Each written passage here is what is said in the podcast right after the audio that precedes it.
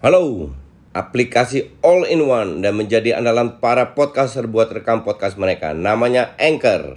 Kalian nggak perlu peralatan yang ribet kayak studio kalau mau rekaman. Semua bisa dari smartphone kalian menggunakan Anchor. Anchor bisa kalian download di App Store atau Play Store. Mudah banget kan?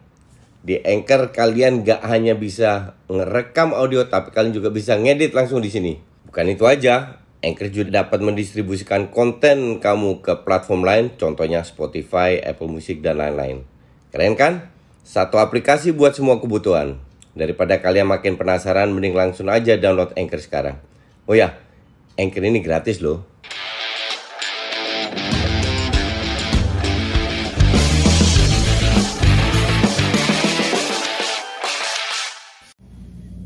Ya, salam Jastok kembali lagi. Gue mau bahas um, Arsenal sedikit dan juga preview. Um, gue mau bahas tiga pertandingan, tiga big match dan dimulai dengan uh, sedikit tentang Arsenal. Arsenal kemarin menang dengan 3-1. Mainnya cukup bagus. Itu juga karena uh, apa namanya Aston Villa tidak tidak main parkir bis dan juga ada perubahan dari sistem. Akhirnya semoga si Arteta ini tetap sadar karena untuk gue sampai detik ini Arteta tetap out. Bermain uh, tidak men menang dan tidak bermain bagus lawan Brighton dan uh, Crystal Palace untuk gue itu nggak bisa dimaafkan. Dan kemarin akhirnya mereka bermain bagus dan menang. Itu pun juga dengan perubahan yang dia dia lakukan. Perubahannya apa? Perubahannya adalah bermain dengan 4-4-2, hanya dua striker di depan. Akhirnya Lacazette diberi kesempatan untuk bermain um, dari awal sebagai starter dengan Auba. Um, tidak ada Tierney, diganti Tavares, Saka cedera, Lokonga yang bermain, uh, dan juga tidak ada Odegaard. Dan itu sangat berpengaruh sekali menurut gue karena um, Odegaard ini bagus, visinya bagus, cuman dia itu pengen membuktikan bahwa dia pemain hebat. Jadi dia selalu uh, sirkulasi bola itu jadi lambat kalau di di bawah dia. Jadi nggak ada salahnya untuk sekali-sekali dicadangkan karena sebelumnya Arteta ini selalu memainkan tiga pemain muda dan selalu ada yang nggak main bagus. Jadi untuk gue sih, gue juga tidak lihat Smithrow bisa bermain bareng uh, Odegaard. Kayaknya dia kurang pede, lebih baik tanpa Odegaard atau kalau Odegaard dimainin Smithrow lebih baik dicadangin. Oke, okay, dan Tavares uh, menunjukkan bahwa uh, dia memiliki fighting spirit yang luar biasa dan juga timing uh, positioning lebih bagus daripada Tierney. Tierney itu permainannya textbook dan kalau di press dikit back pass ke belakang. Ini yang bikin gue enak sama Tierney. Sama kayak Granit Xhaka. Jadi semoga perubahan ini diteruskan, bisa konsisten, baru kita lihat apakah uh, Arteta out atau in. Tapi pada saat ini ya Kardus yang bilang gue yang ngatain gue Kardus pengen menikmati Arsenal. Iya, gue menikmati bukan berarti Arteta tidak out ya. Um, terus kita ke Real Madrid dulu. El Clasico Barcelona. Barcelona, Real Madrid dua tim yang sangat tidak konsisten. Uh, beruntung Barcelona memiliki pemain yang yang cedera sudah kembali lagi kecuali Dembele. Dembele itu bisa bermain next weeknya lawan Rayo atau midweek lawan Rayo tapi El Clasico ini terlalu cepat tapi untuk gue sih bukan alasan. Yang jadi masalah dengan Kuman bahwa dia mengatakan dia tidak bisa bermain tiki taka dengan kualitas pemain ini, gue bisa terima. Tapi at least positioning lu itu jauh lebih bagus. Sekarang gue lihat dia itu terlalu terlalu fokus ke lini belakang sehingga gampang sekali dobrak abrik dari lini tengah. Nah, bahasa yang kita kenal itu lebih fokus ke lini tengah. Sehingga dengan pemain-pemain itu sering kali di, di belakang satu lini ya, satu garis itu ada enam pemain. Nah, terus uh, dua pemain di depan, sisanya berapa? Cuman uh, uh, dua tiga di di di tengah sehingga gampang sekali dimanfaatkan. Uh, ini yang kalau gue bilang harus dirubah karena pada saat lu bermain seperti itu, lu tidak bisa memanfaatkan transisi menyerang dan juga pada saat uh, transisi bertahan diserang lawan itu juga sering kali bolong dari lini tengahnya. Untuk gue PR-nya itu masih di lini tengah. Busket uh, untuk gue sih udah habis ya, bukan dia jelek, tapi lawan tim-tim yang papan atas sering kali bu Busket kesulitan, juga kesulitan speed. Walaupun uh, kalau ketemu tim menengah ke bawah dia masih oke okay lah. Tapi salah satu kele kelemahan dari atau kritikan untuk Kuman adalah dia terlalu sering turunkan uh, CRG entah itu sebagai entah sebagai starter dan juga PK. Karena tiga pemain ini harusnya tiga-tiga jadi sub semuanya. Araujo cedera, oke okay, PK sekali-sekali main gak ada masalah. Uh, PK sekarang udah bukan PK yang kita kenal lah apalagi Sergi bapuknya minta ampun. Terus kedua dia berapa kali pasang Des de sebagai winger. Udah sakit jiwa ya. kalau lu nggak punya winger kalau Dembele belum balik play different main 4-4-2 lah. Ngerti nggak? Uh, de de dengan dua striker atau main whatever atau 3-5-2 whatever lah. Cuman nggak nggak usah paksa main 4-3-3 kalau lu nggak punya pemain seperti itu. Yusuf Dembele diberi kesempatan berapa kali dan fail gue mau ngenalin kalian aplikasi rekaman andalan gue, Anchor. Jadi Anchor ini aplikasi yang lengkap buat para podcaster. Kita bisa ngerekam, ngedit, tambah musik, efek, bahkan sampai upload ke platform lainnya. Semua bisa dari Anchor. Nah, aplikasi Anchor ini bisa kalian download di App Store atau Play Store. Dan juga di website di www.anchor.fm. One app that your podcast needs. Oh ya, Anchor ini gratis ya. Gagal, ya udah rombak sistem lu.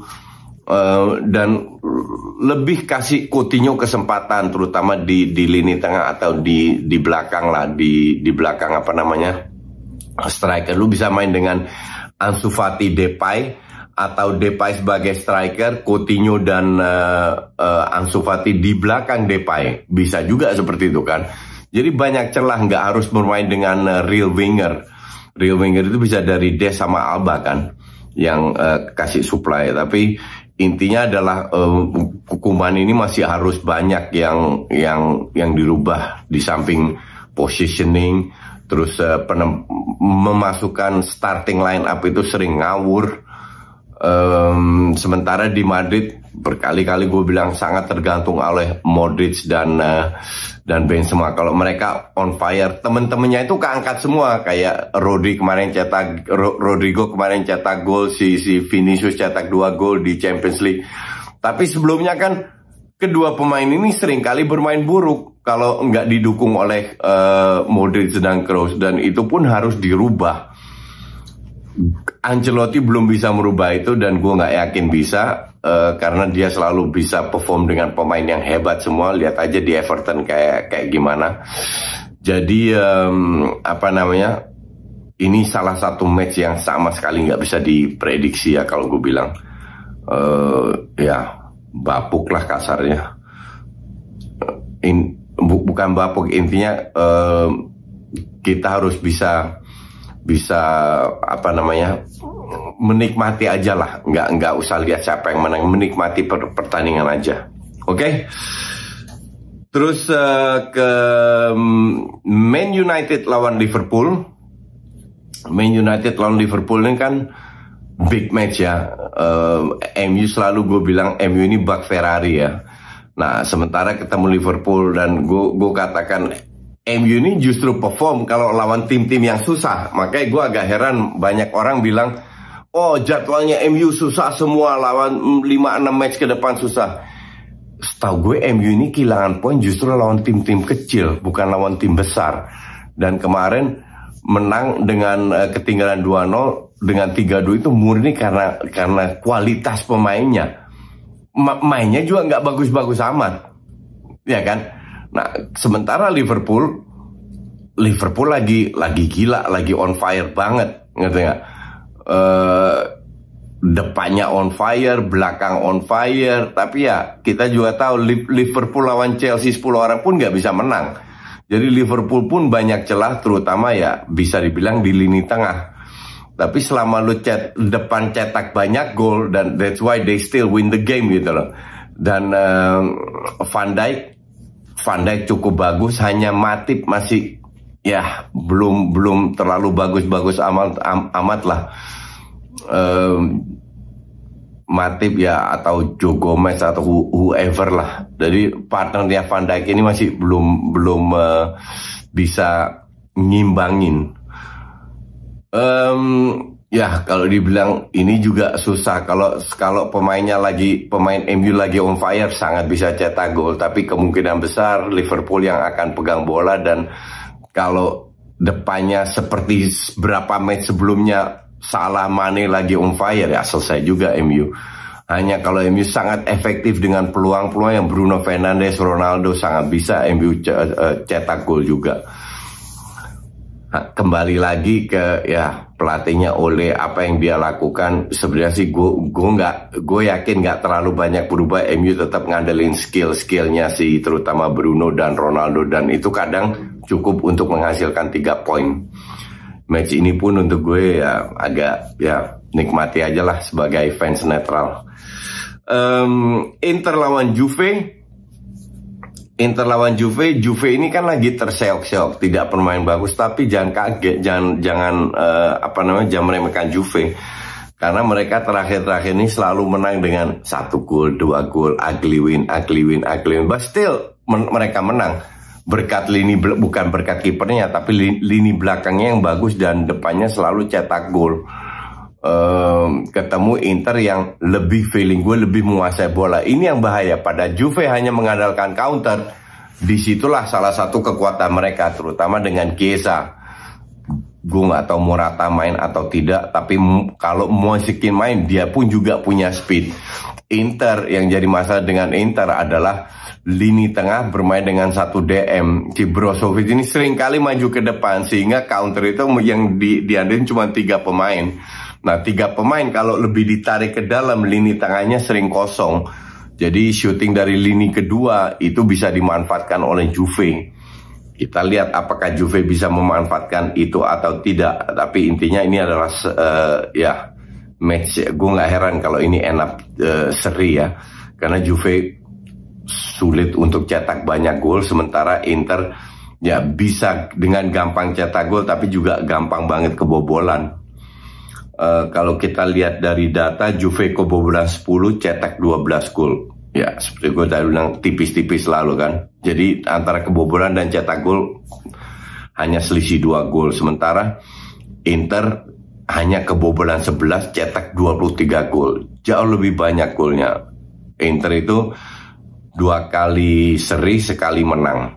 Sementara Juve dua kali seri, sorry dua kali seri sekali kalah. Inter Juve dua kali seri dua kali kalah. Jadi selisihnya cuman cuman sekali kalah tiga poin doang.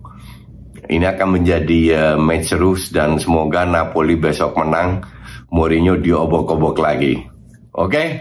Thanks for watching. Kita ketemu hari Senin dengan uh, review match-match yang tadi gue bikin preview ya. Thank you.